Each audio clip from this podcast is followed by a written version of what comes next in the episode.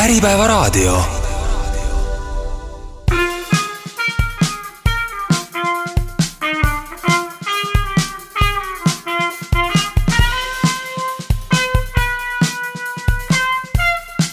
Soraineni sagedus, mitu arvamust, üks eesmärk. tere tulemast kuulama Soreneni sagedust, mina olen äh, Maarja Sõrm, minuga täna on siin Kaupo Lepasepp.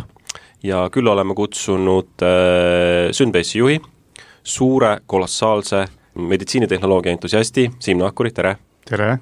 ja meie hea kolleegi Liisa-Lotte Lääne, kes tahab ka enda kohta midagi öelda. tere! ma arvan, et sellest piisab täiesti hetkel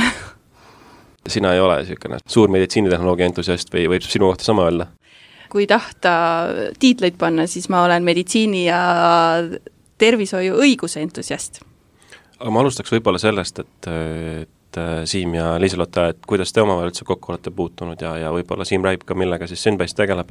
no eks me oleme samas valdkonnas kokku puutunud erinevate küsimustega erinevates igasugustes arutelurühmades ja Syn-, Synbase on tervisetehnoloogia ettevõte, mis siis tegeleb kliiniliste otsuste tugisüsteemidega. kliiniliste otsuste tugisüsteem on siis selline tarkvara, mis viib siis äh, arsti töövoos kokku äh, patsiendi terviseandmed ja siis viimase tõenduspõhise info, noh näiteks kui kui lähed äh, arsti juurde ja sul kirjutatakse välja ravimit, siis kliiniliste otsuste tugisüsteem kontrollib, kas sellel ravimil võib olla koostoime mõnede teiste ravimitega või näiteks kas selle ravimi puhul oleks vaja ravimi annust muuta või, või mis iganes, sellised rakendused tegelikult nagu Siimu jutust ka sissejuhatust aru võib saada, täna me räägime päris, päris palju meditsiinitehnoloogiast. mul keelati kasutada sõna e-tervis, aga ärk-, järsku ütlete, et miks? Ei, see otseselt ei ole keelatud, lihtsalt et äh, see e-tervis kõlab nagu äh, või praegusel ajal kasutatakse rohkem nagu digitervist, sest e-, e-tervis on täpselt samamoodi nagu äh, üks põlvkonnavahe jookseb sealt, et kes, ühed inimesed ütlevad, et on PowerPointi presentatsioon ja teised ütlevad slide deck, et, et oleme siis noored ja moodsad. oota, kumb see moodne variant on no ütleme nii, et SlideTech ja, ja digitervis võib-olla oleksid siis nagu moodsamad versioonid. ma isegi ei tea, mis SlideTech on, nii et selles suhtes mul on vist, ma olen vana. Liisa ka äh, noogutab, et jaa, ma ka ilmselt. aga kui me räägime meditsiiniseadmetest ja, ja kogu sellest äh, digimaailmast, mis sellega seondub, et võib-olla tooks siis mõne sellise elulise, lihtsasti mõistetava näite, et millest me tavaliselt räägime noh, seesama, mis ma siin tagasi tõin, et, et, et kõikvõimalikud igasugused, igasugune tarkus, mis on siis viidud arstide, õdede, apteekrite töövoogu, samamoodi igasugused rakendused näiteks, mis võimaldavad patsiendil oma tervisenäitajaid jälgida, igasugused analüütikad, meditsiiniseadmed, aga võivad olla ka füüsilised seadmed, näiteks mingisugused äh, mingite haiguste kontrolliks ja ohjamiseks mõeldud äh, seadmed ja nii edasi, et see maailm on päris suur, et äh, kokku Euroopa Liidus minu teada on vist üle poole miljoni meditsiiniseadme. Et see on päris, äh, päris suur rühm väga erinevaid, erineva funktsiooniga seadmeid mm. -hmm. aga kes nendes meditsiiniseadmete maailmas on sellised hiiud võib-olla nagu riikide mõttes, et kus seda innovatsiooni juhitakse, on see, on see USA, on see Hiina, paigutub Eesti ka kuidagi sellele kaardile, kuidas meie lähinaabrid välja paistavad? Äh, see on väga hea küsimus tegelikult, äh, tervisevaldkonnas on võib-olla vähem selliseid äh, globaalseid edulugusid nagu muudes tehnoloogia valdkondades. üheks põhjuseks on kindlasti nagu regulatsioonide pool, mida me siin ka täna ilmselt räägime, et mis takistab nagu sellist kiiret skaleerimist. Ja kui me räägime nagu edukatest riikidest, siis noh, kindlasti USA on üks peamine nagu selline koht, kus tervisetehnoloogia nagu innovatsioon sünnib. Kuid Euroopa Liidus on ka nagu mitmeid võimalusi. Ja näiteks noh, meie, meie, meie enda naabrid, näiteks Soome, et, et Soomes on äh, tervisetehnoloogia eksport äh, moodustab äh, ühe su-, suurema osa nagu kõrgtehnoloogilisest ekspordist, et selle kogu, aasta kogukäive on kaks koma neli miljardit eurot, nii et see on päris suur tööstusharu. ma korra katkestan, palju meil on, oskad sa öelda? Oi, ei oska, ma arvan, see on päris äh, mikroskoopiline number. et kui me võtame kas või nagu, see isegi statistikas võib-olla niimoodi, et äh, nii väiksed numbrid võib-olla ei statistikaprogrammid ei võimalda meil välja võtta, et ta ühendab selle kokku võib-olla kogu mingisuguse tervishoiu ekspordi nagu üldnumbritega, no seda on raske hinna välja, sealt välja võtta, sest ta on ühtepidi nagu on ta võib-olla tarkvara all, mingisuguse tehnika all, ta võib olla ka teenuse all, nii et noh, tema kättesaamine on juba keeruline ja ma arvan, et see on mikroskoopiline number, meil tegelikult ei ole täna veel sellist võimekust nagu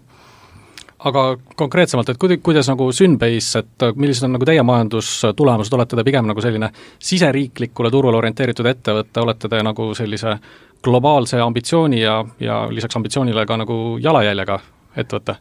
meil hetkel on kuskil kolmkümmend protsenti meie käibest tuleb ekspordist ja, ja meie ambitsioon on kindlasti äh, areneda nii, et, et see Eesti moodustaks vaid väikse osa meie nagu tuludest. et äh, meil on praegu käimas ka suurejooneline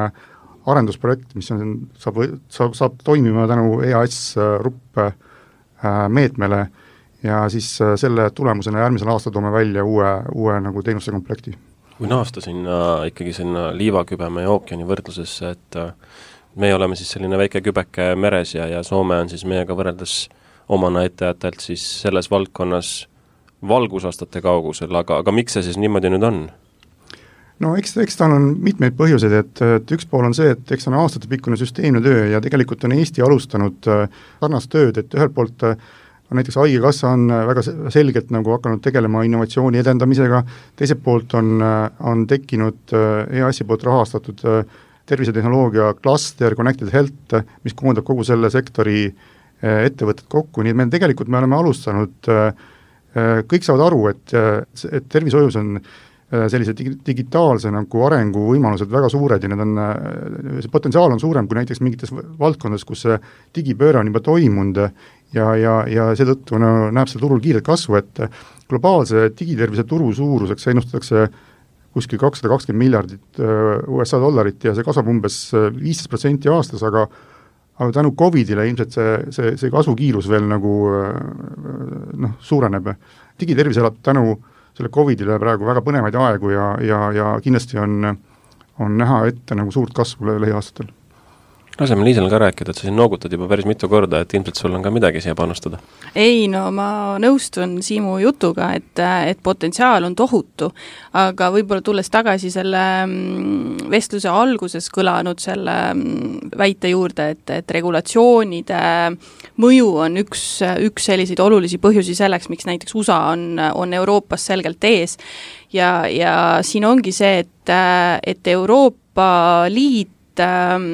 suhtub võrdlemisi rangelt äh, erinevatesse privaatsusõiguse äh,, õiguse küsimustesse ja tegelikult nüüd siin äh, hiljuti äh, kohalduma hakanud ka meditsiiniseadmete regulatsioon on ikkagi äh, äärmiselt äh, range, äh,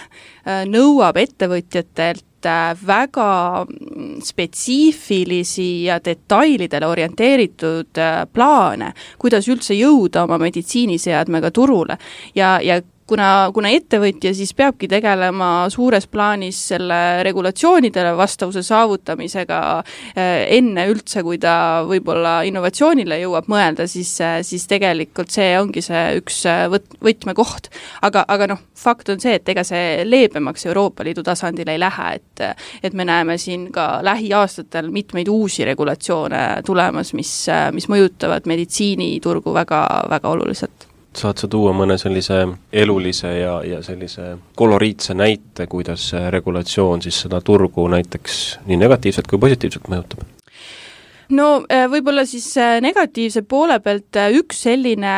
markantsem näide on näiteks see, et kevadel hakkab või tähendab, praeguste plaanide kohaselt hakkab kohalduma in vitro diagnostika meditsiiniseadmete määrus. ja, ja selgitan korra lahti, et see in vitro diagnostika meditsiiniseade tähendab siis sellist meditsiiniseadet, kus kasutatakse diagnoosi ja meditsiinilise eesmärgi jaoks siis inimkude või, või proovi inimkehast a la vereproovi näiteks.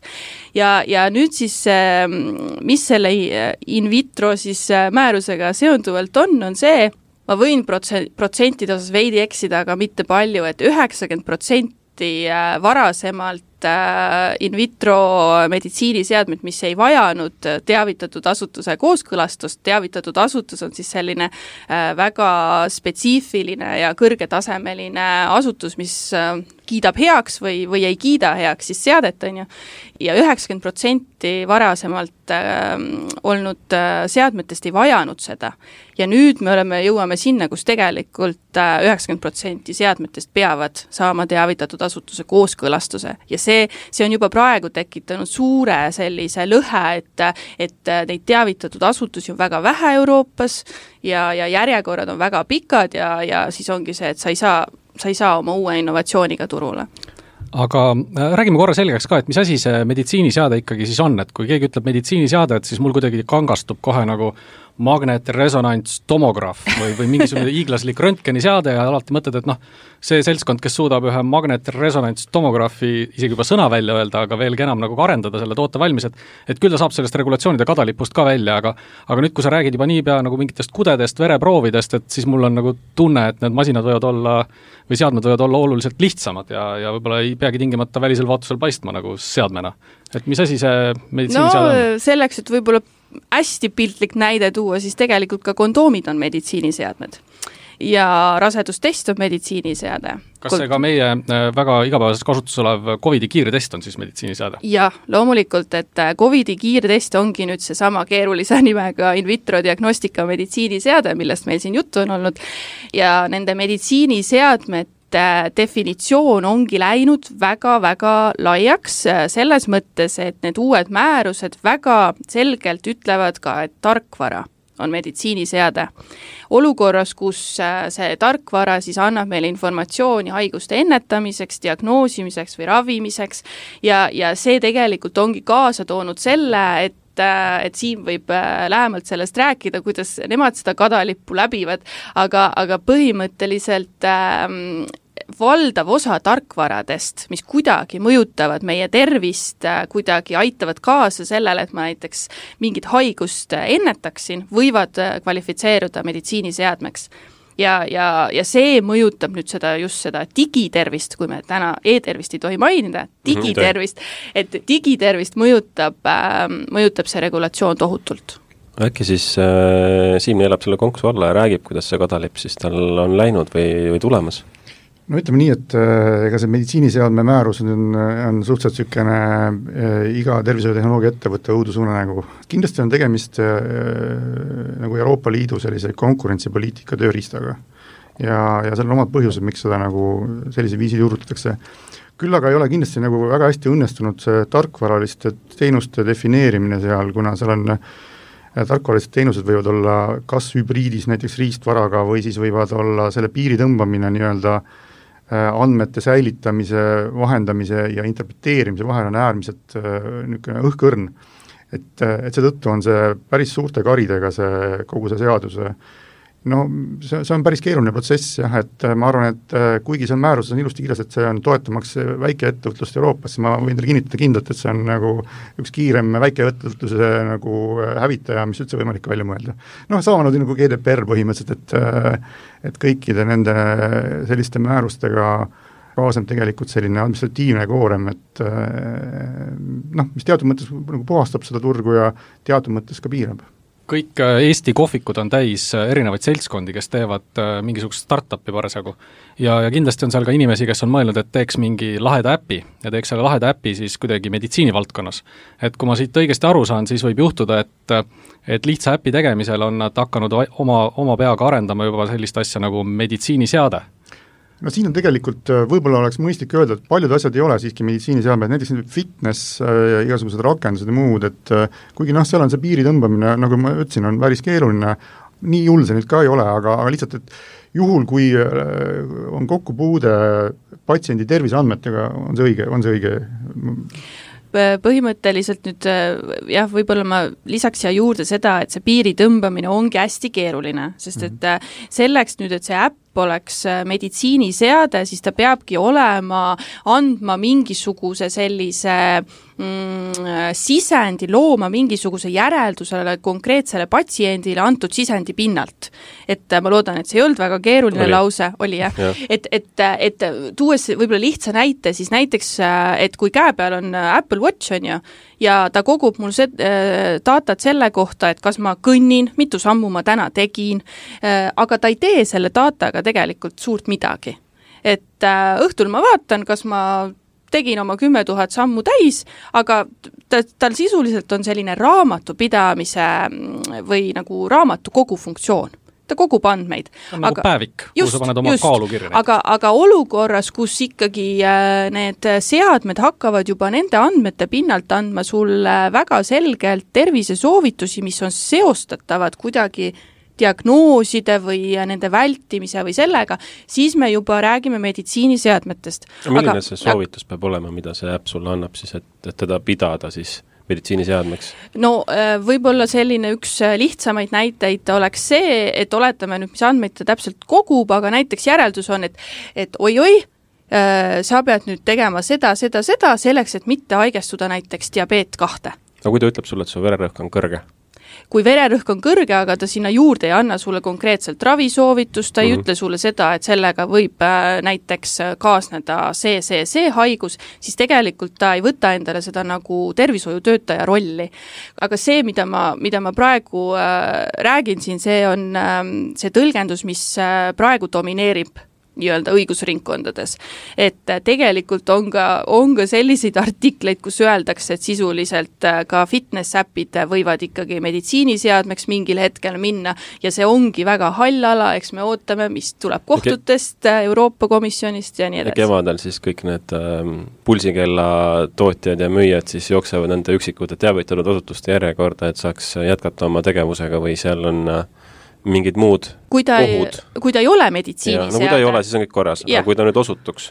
see on juba väga selline pikem jutt, sest et seal on ka üleminekusätted ja, ja kas see toode juba on turul või ei ole turul, et siin on väga palju küsimusi ja tegelikult noh, hea soovitus oleks see, et et kui sul on kahtlus, kas sa võid selle tootega turule minna, kas sa võid seda müüa tarbijatele, siis tegelikult tuleks konsulteerida kas Terviseametiga või siis äh, juristidega kui ma üritan seda nagu enda tarbija kaupa vaatenurgast, patsient kaupa vaatenurgast selgeks teha, et, et kas ma siis saan õigesti aru, et, et olukorras, kus mul on näiteks vererõhuaparaat äh, ja ma mõõdan sellega vererõhku,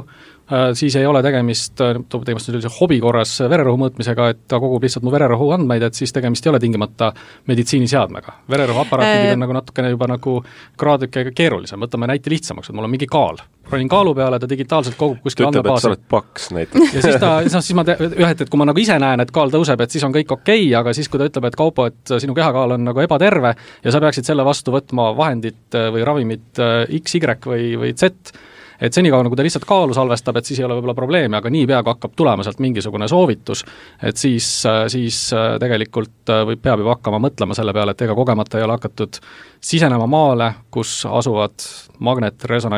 magnetresonantstomograafid ehk siis meditsiiniseadmed tulles korraks tagasi, siis äh, vererõhuseade, mida sa äh, kasutad selleks, et väga täpselt nüüd vererõhku mõõta, siis see on meditsiiniseade vaieldamatult. aga üldjoontes sul on jah õigus, et äh, olukorras, kus antakse lihtsalt estimation'id, vabandust, selliseid hinnanguid sinu,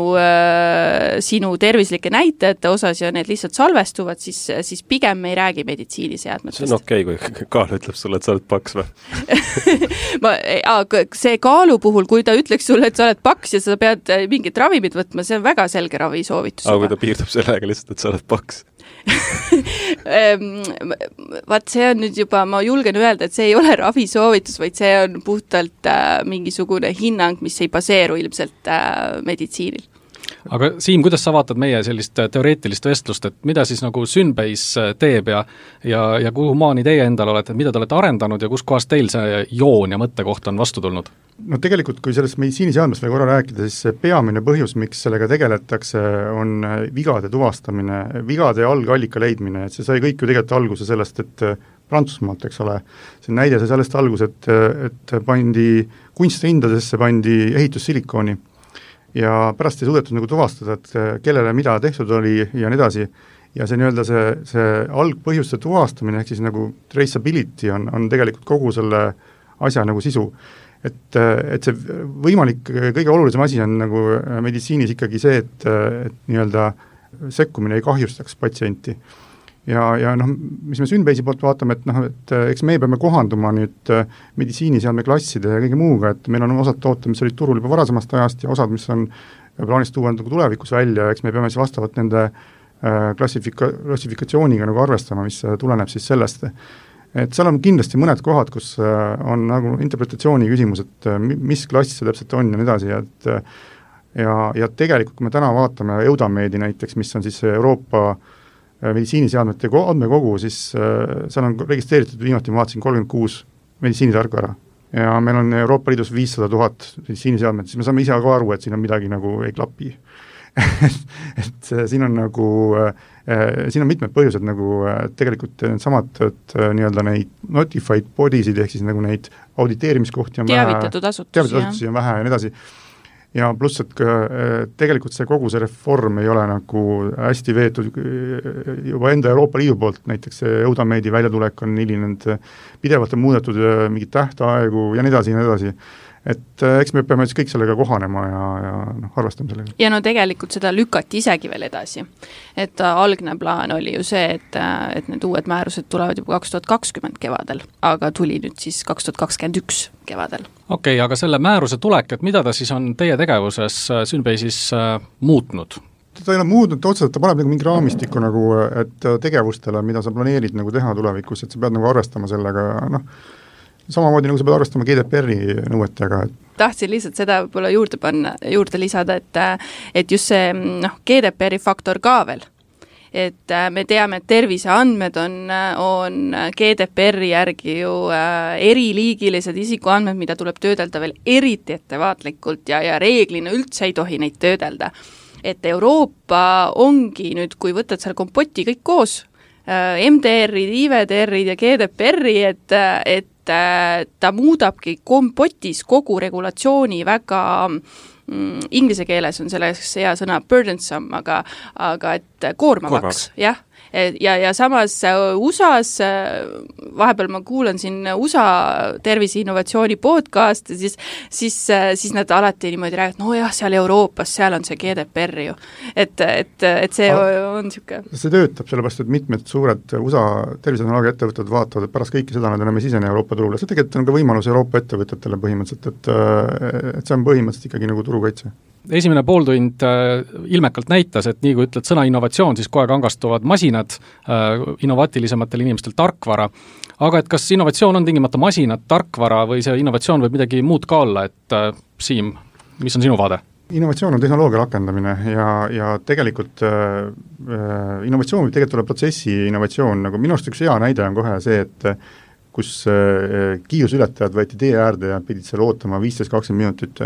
et äh, selle asemel, et noh, neid nagu trahvida, siis selline meetod nagu, mis välja sai käidud äh, Eesti riigis, minu arust vot see on hea näide äh, protsessi innovatsioonist.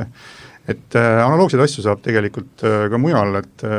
et kuidagi teha teistmoodi asju ja see ei pea ilmtingimata olema uue, uue nagu masina tööle võt-, kasutama võtmist tähendama nagu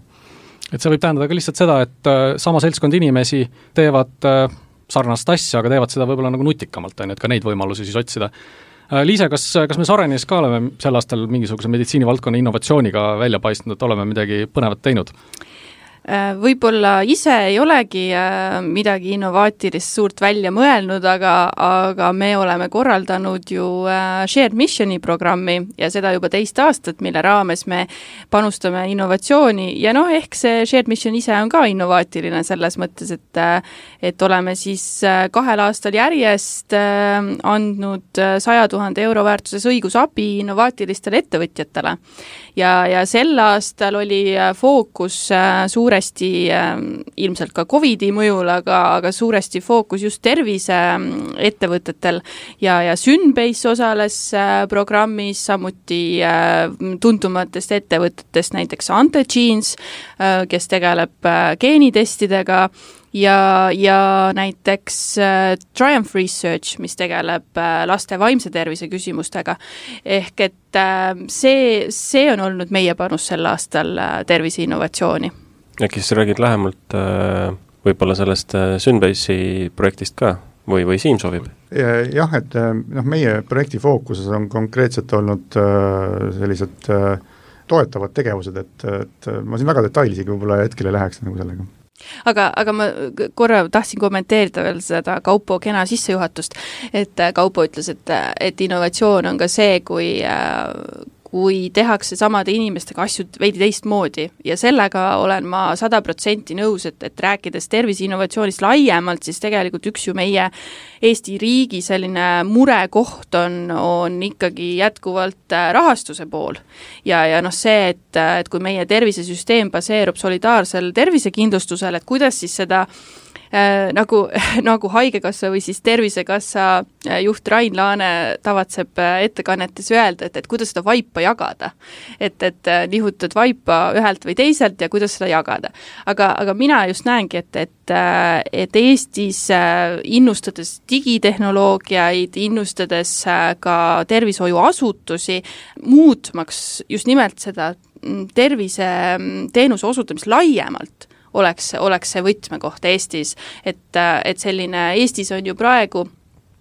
rahastus ikkagi suuresti selline, et me maksame, et äh, pay for service, et äh, et maksad konkreetse teenuse eest, et kas see on siis tervishoiuteenuste loetelus või on ravimi loet-, ravimite loetelus või meditsiiniseadmete loetelus, aga et millal me jõuame sinna, kui me, kui me jaks-, maksame pay for performance, et me maksame tegelikult nagu tulemuse eest ja sellest, et kas see patsient ka järgmised kümme aastat on õnnelik ja, ja tore ühiskonnaliige. ja, ja siinkohal noh, see kõik on kompleksne innovatsioon. et äh, sul on vaja, sul on vaja digilahendusi, sul on vaja inimesi ja, ja sul on vaja infrat. kuidas sa, Siim, hindaksid ise seal valdkonnas sees olles Eesti seisundit või olukorda meditsiini innovatsioonis? jah, see on päris hea küsimus, et äh, tegelikult on niimoodi, et äh, Eesti oli üks esimesi riike, kes peaaegu juba viisteist aastat tagasi juurutas sellise riigipõhise äh, digitaalse infrasüsteemi, ehk siis tervise infosüsteemi ja koos kõik kaasnevad teenused. ja, ja seetõttu on niimoodi, et äh, näiteks äh, maailma üks juhtivaid digiterviseorganisatsioone, HIMS, Euroopa Komisjon ja mitmed äh, mõttekojad peavad Eestit digitervise juhtivriigiks Euroopas täna. et ise olles siin sees kogu aeg, siis võib-olla seda nii, nii hästi ei tunneta, aga, aga meil on suhteliselt selline äh, terviklik äh, digitaalne ökosüsteem ja, ja, ja kindlasti on siin hästi palju võimalusi, mida, mida saab siia peale ehitada, et äh, paljudes muudes riikides, ka arenenud riikides on tihti need lahendused äh, noh, regionaalsed või, või on siis näiteks, et kui kasutaja liigub ühest piirkonnast teise, siis tal liigub teise süsteemi, siis Eesti eripäraks on kindlasti see, et mis on tingitud meie väiksusest, et meil on niisugune riigipõhine terviklik süsteem aga see, see on nagu potentsiaal, mis on nagu mõnikord tundub, et äh, on äh, tegelikult nagu kasutamata, et äh, ligi viisteist aastat on terviseandmeid kogutud, aga et need saaks, need andmed saaks tegelikult oluliselt mõistlikumalt tööle panna, et see on kindlasti minu, minu seisukoht. no too mõni näide, kuidas saaks mõistlikumalt andmeid tööle panna niimoodi? kõik, kõikvõimalikud näiteks sellised rahvastikupõhised analüütikad, ma arvan, et seal on hästi palju potentsiaali, olgu selleks siis näiteks äh, perearsti nimistu või siis perearsti tervisekeskuse või siis äh, terve riigi terviseandmete analüüs, äh, nende põhjalt niisuguste digitaalsete sekkumiste kavandamine, tõenduspõhise sellise lähenemise toomine nagu sekkumistesse, mis siis nagu prioritiseeriks neid sekkumisi, mis on suurima nii kliinilise mõjuga kui ka siis kulutõhusamad ja nii edasi, et siin on potentsiaali, sest meil on äh, terviseandmeid äh, on väga palju, äh, meil on tegelikult klassifikaatorite pool on ka korras, et kuigi nüüd tulevad uuendused, mis, mis nagu seda olukorda veel nagu tegelikult paremaks teevad, et meil on nagu neid võimalusi, aga, aga, aga aga need ei ole nagu täielikult kasutatud. noh, kindlasti üks võimalus on veel ka geeniandmete lisamine terviseandmetele, mis on Eesti unikaalsus, kus ligi üle kuue, üle kahesaja tuhande inimese geeniandmed on tegelikult geenivaramus äh, olemas, et, et tänaseks on neid hästi palju äh, teadustööde sisendina kasutatud, aga selline praktiline pool on olnud hetkel äh, suht väike, aga kindlasti tulevikus äh, võib see muutuda aga, aga mille taga see äh, andmete tööle panemine nagu, nagu seisab, et kas meil on nagu, et kui praegu vaadata tehnoloogiat, et kuhu suunas ta nagu läheb, et siis äh, Twitteri voog on täis ja artiklid on täis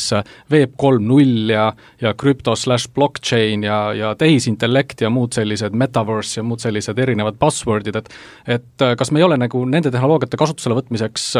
küpsed või valmis või kus kohas meil see nagu kitsaskoht on? Oih, see on väga keeruline küsimus, et, et noh, kindlasti on üks pool on nagu rahastus, teine pool, teine problemaatiline koht on, et Eesti tervishoiusüsteem on nagu äh, hästi läbi kurnatud, et äh, seal ei ole tegelikult äh, äh, noh, niimoodi viimase vindini ära optimeeritud süsteemis ei ole tegelikult äh, innovatsiooni jaoks äh, ruumi, sest seal lihtsalt on nagu äh, selle nagu eesmärk on, on, on muu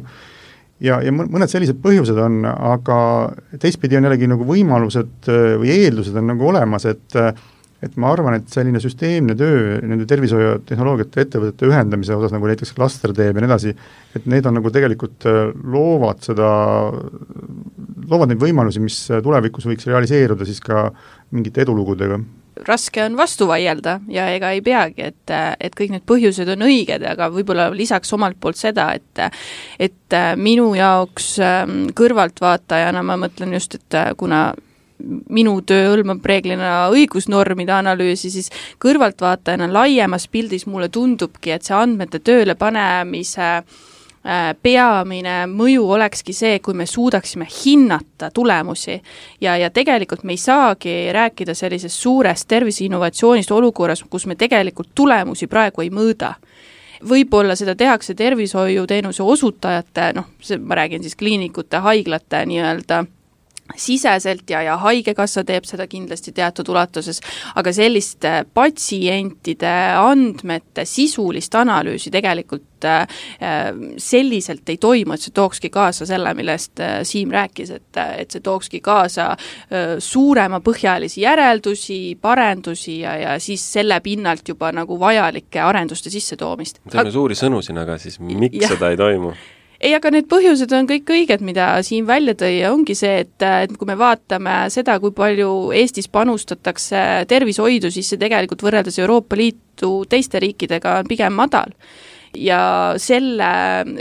statistika ütleb seda, et selle summa pinnalt Äh, mida Eestis äh, tervishoidu panustatakse, tegelikult seda kasutatakse väga efektiivselt. et äh, see on, see on ka fakt. ja, ja see omakorda toobki kaasa selle, et me keskendume sellele, kuidas ressursse optimiseerida, kuidas kasutada, võtta sellest piskust see maksimum, on ju, aga samal ajal ma ütleks, et Tervisekassa teeb väga tublit tööd, nad mõtlevad tegelikult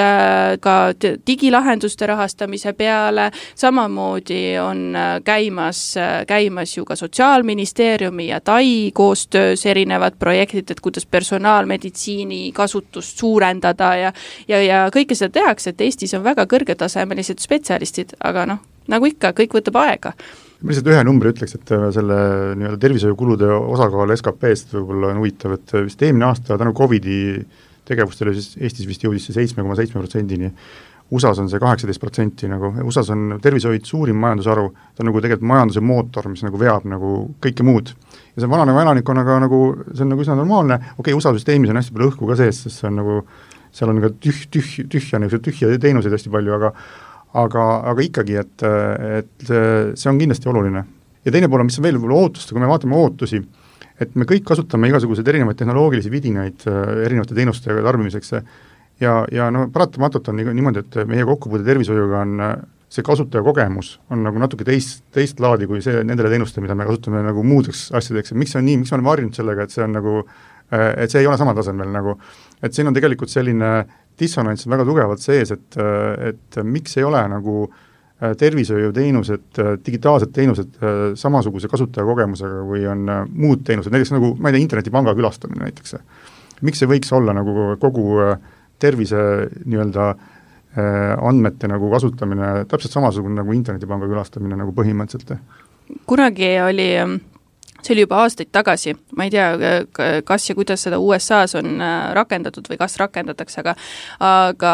Harvard Business Reviews äh, oli artikkel selle kohta, et kuidas me näeme, et kuhu tervishoid võiks liikuda. ja siis seal ka just toodi välja seda, et võikski olla, et see, et luuakse selline terviklik teenus, see tähendab seda, et kui, kui ma lähen äh, konkreetsesse kliinikusse ja ma ütlen, et mul on probleem, et mul selg valutab, siis sinna kohe juurde kaasatakse sulle kogu tiim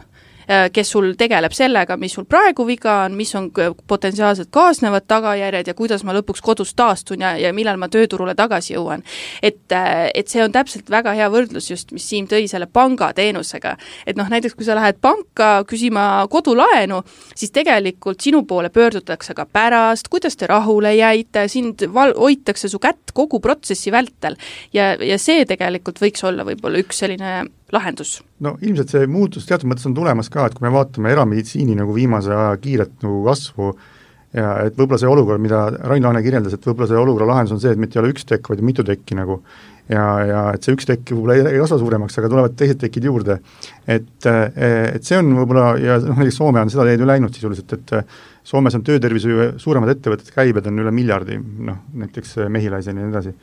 et, et see on väga suur turg, et on olemas nii riigi poolt pakutav meditsiin, on siis töötervishoiumeditsiin, mis on Eestis veel suht vähe arenenud, ja on erameditsiin veel ka. et, et niisugune kolmeastmeline meditsiin on näiteks Soomes, et, et äh, ei ole välistatud, me liigume Eestis ka tegelikult äh,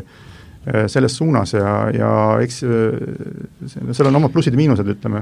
Nojah, selle võrdluse Soomega siin ma võib-olla tooks äh, välja selline erasektorile, mis muret, muret pakub, on ju see, et, et Soomes on väga selgelt eristatud erameditsiin ja siis riiklikult rahastatud meditsiin ja, ja sul ei ole seda olukorda, et riiklikult rahastatud haigla pakub samal ajal ka tasulisi erameditsiiniteenuseid. aga Eestis paraku on, on olukord, kus, kus erameditsiiniettevõtjad ettevõtjad konkureerivad samal ajal ka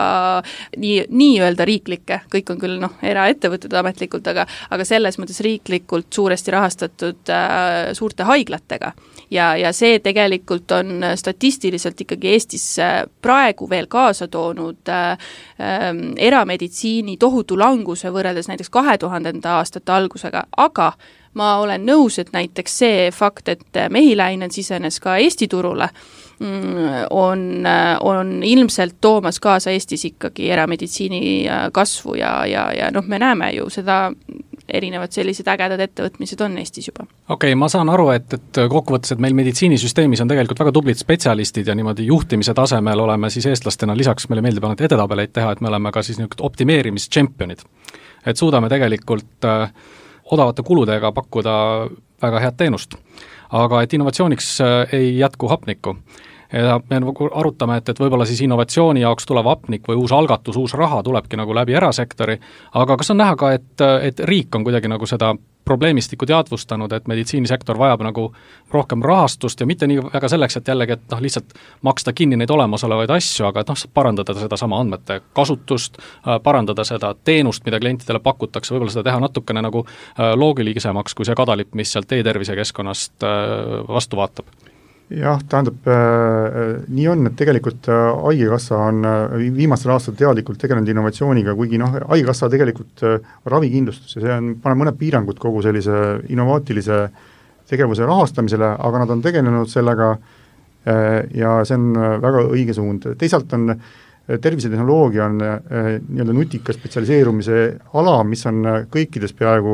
nagu Euroopa Liidu rahastamisprojektides nagu sees. Ja see on sel-, see ongi sellel põhjusel, et et kuna see turg on nii-öelda jutumärkides rikutud nagu, ehk siis nagu on see solidaarne tervishoiuturg,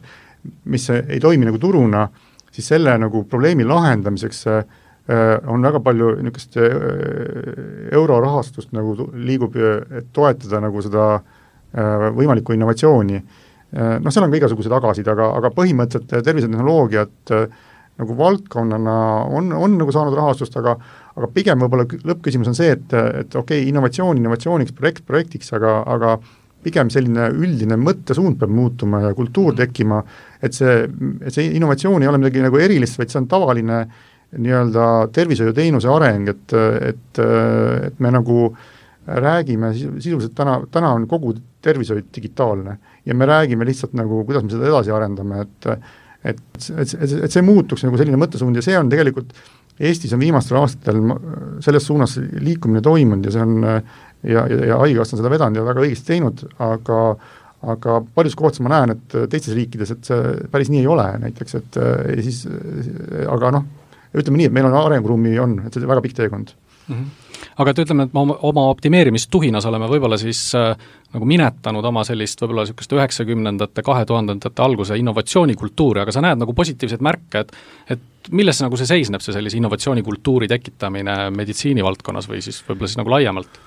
no eks see on, see on tegelikult, see on koostöö, nagu see on erinevate osapoolte koostöö ühise eesmärgi nimel ja, ja, ja, ja, ja siin on nii, nii rahastuse poole pealt on toimunud äh, positiivseid nagu arenguid, pluss et on on nagu organisatoorselt loodud mingisugune vundament selleks, et need erinevad ettevõtted saaksid siin ökosüsteemis koos töötada, mis on väga keeruline alguses, sest tegelikult kõikidel ettevõtetel on nagu omad eesmärgid ja ja leida seda ühist eesmärki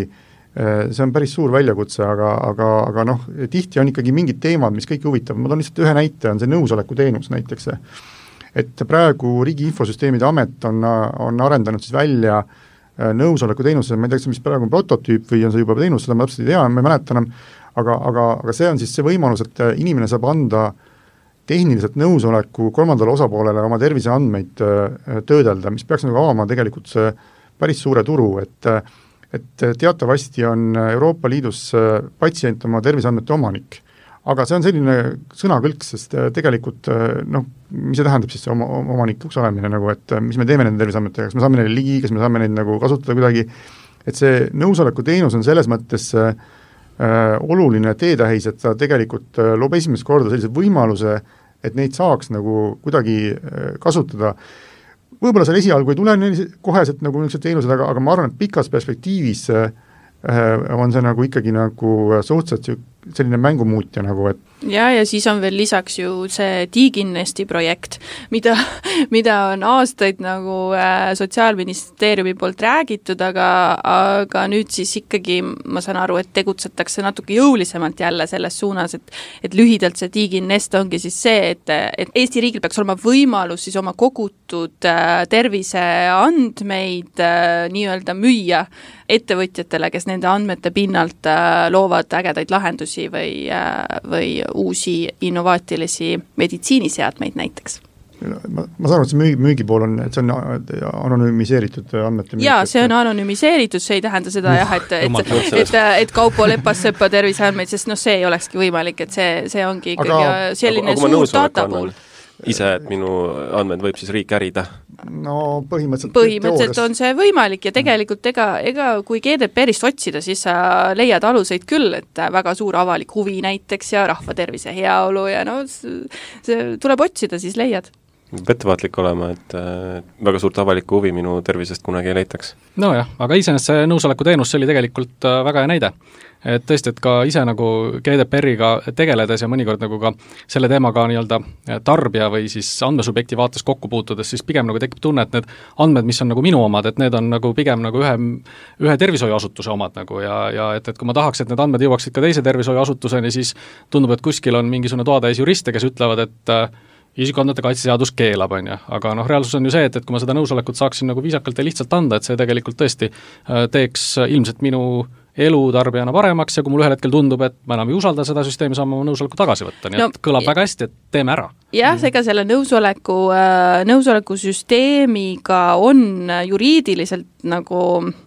ma, ma ei julge veel öelda, et, et kui efektiivne see olema hakkab just nimelt seetõttu, et nõusoleku saab alati tagasi võtta. ja, ja teine küsimus on ka see, et, et mis on see nii-öelda kriitiline mass neid nõusolekuid, mis on vaja selleks, et, et see lahendus üldse sinna kuidagi rakenduks, et see, et need küsimused jäävad, aga eks siis, eks siis aeg näitab, aga ma tahtsin veel seda kommenteerida, et, et tulles üleüldiselt tagasi selle nii-öelda muutuste ja mõtteviisi juurde, et et siis üks osa sellest ühest olulisest komponendist on üleüldine ühiskondlik selline paradigma muutus ja see, et et ka patsient, inimene ise võtaks vastutuse enda elu ja, ja tagajärgede eest, mida ta, mida ta siis igapäevases elus nagu oma otsustega teeb ja loob, on ju. ja, ja see on ka üks osa, et kui me räägimegi sellest, et tervishoiuteenus liigub üha rohkem sellise väga kõrgetasemeliselt disainitud ja läbimõeldud laiahõlmalise teenuse poole, siis paratamatult see eeldab panust patsiendile patsiendilt. ja, ja see on ka muutus, mida tegelikult vananev ühiskond, nagu meie oleme, vajaks, vajaks hädasti jah, see patsiendi, patsiendi teema, see on väga õige point, et tegelikult äh, nagu klassikaline lause on see, et patsiendid on äh, tervishoiu kõige vähem kasutatud ressurss põhimõtteliselt, et äh, panna nad nagu, patsiendid nagu tööle ja see on ka üks suur trend, on ütleme äh,, maailma suurima digiterviseorganisatsiooni HIMS äh, nagu hinnangul on nii-öelda patsiendirakendused äh, nii-öelda, mis on siis PHR ehk siis äh, Personal Healthcare, Health Record äh,, et äh, need on nagu äh, ühe suurima potentsiaaliga just, et äh, mis oleks siis see, et mis võimaldaks inimestel oma tervise, näiteks täita mingit pasi-, patsiendi küsimustik ja nii edasi, et et valmistada visiidiks ette või siis mingid muud äh, lahendused, et, et seal on väga suur potentsiaal, et et seda protsessi optimeerida, kui me mõtleme näiteks, mida Bolt on teinud näiteks takso, taksosse sisseistumisega nagu, kuidas on optimeerinud ära ühe protsessi nagu tegelikult, mis vanasti mingi see mitte, mitte sisseistumisega, vaid arve maksmise protsessiga, kui palju me, see kohmerdamist oli sellega, et maksta üks taksoarve ära nagu, et, et ma arvan, et tervishoius on tegelikult selline patsiendi kontakt nagu äh, tervishoiusüsteemiga oleks võimalik umbes samalaadne äh, kohandust teha, et,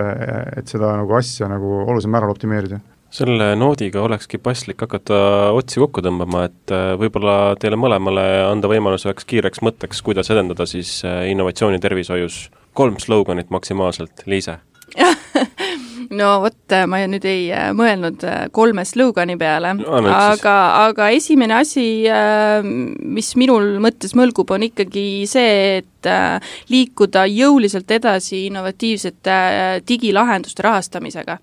Ja, ja kas need siis kvalifitseeruvad meil meditsiiniseadmeks või tervishoiuteenuseks, see rahastamise lahendus regulatiivselt ja praktiliselt tuleks leida. ja, ja, ja siinkohal ütleks võib-olla ka seda, et, et Euroopa Liidus siin järgmisel aastal on vastu võetamas ka tervisetehnoloogiate hindamise määrus üle-euroopaline, mis jällegi võib-olla lihtsustab ka seda rahastamise otsuste tegemise poolt Siim, ka veel mõni mõte? no ma arvan, et see viimane ots siin, et, et patsiendid nagu paneks, patsiendid rohkem nagu mõtleksid oma terviseandmete kasutamise peale, et, et, et kui tegelikult, tegelikult tekib patsientide poolt aktiivsuse surve, siis tegelikult see on ka üks nagu äh, katalüsaator, mis võib seda muutust nagu äh, äh, kiirendada, et noh, et kõik algab sellest, et noh, näiteks võite minna vaatama digilukku oma andmeid ja mõelda, et mis, mis huvitavat siin on, et kas siin on mingid teenused või millest ma puudust tunnen või mis see võiks olla, et kui patsientide valmisolek nagu nii-öelda tervisesüsteemiga digitaalselt suhelda suureneb, siis see tegelikult loob, toob kaasa terve hulga nagu uusi teenuseid ka, nii et ma arvan, et see on hästi oluline, et noh, me oleme kõik harjunud ütlema seda äh, tervisedeklaratsiooni täitma, kui me läheme auto, autojuhilubasid tegema, aga võib-olla on midagi enamat veel, mida võiks teha nagu, et mõtleme selle peale. aitäh, Kaupo, mõni tsitaat Mihhail Lomonossovi sulest? ei ole ka mul seda tsitaati nagu ette valmistatud, aga, aga ütleks niimoodi, et, et äh, selle moodsa aja siis slogan võiks olla see, et, et paneme andmed tööle ja, ja see on äh, nii innovatiivne kui ka tegelikult võib aidata kaasa sellele, milles eestlased on maailmameistrid, ehk siis optimeerimistšempioniks olemisel.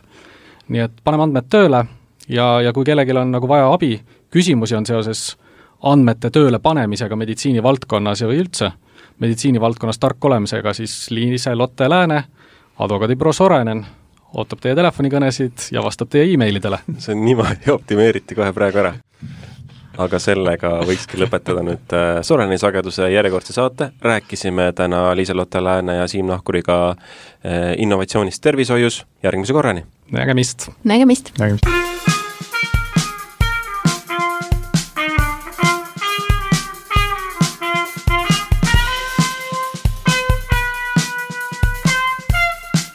Soraineni sagedus, mitu arvamust, üks eesmärk.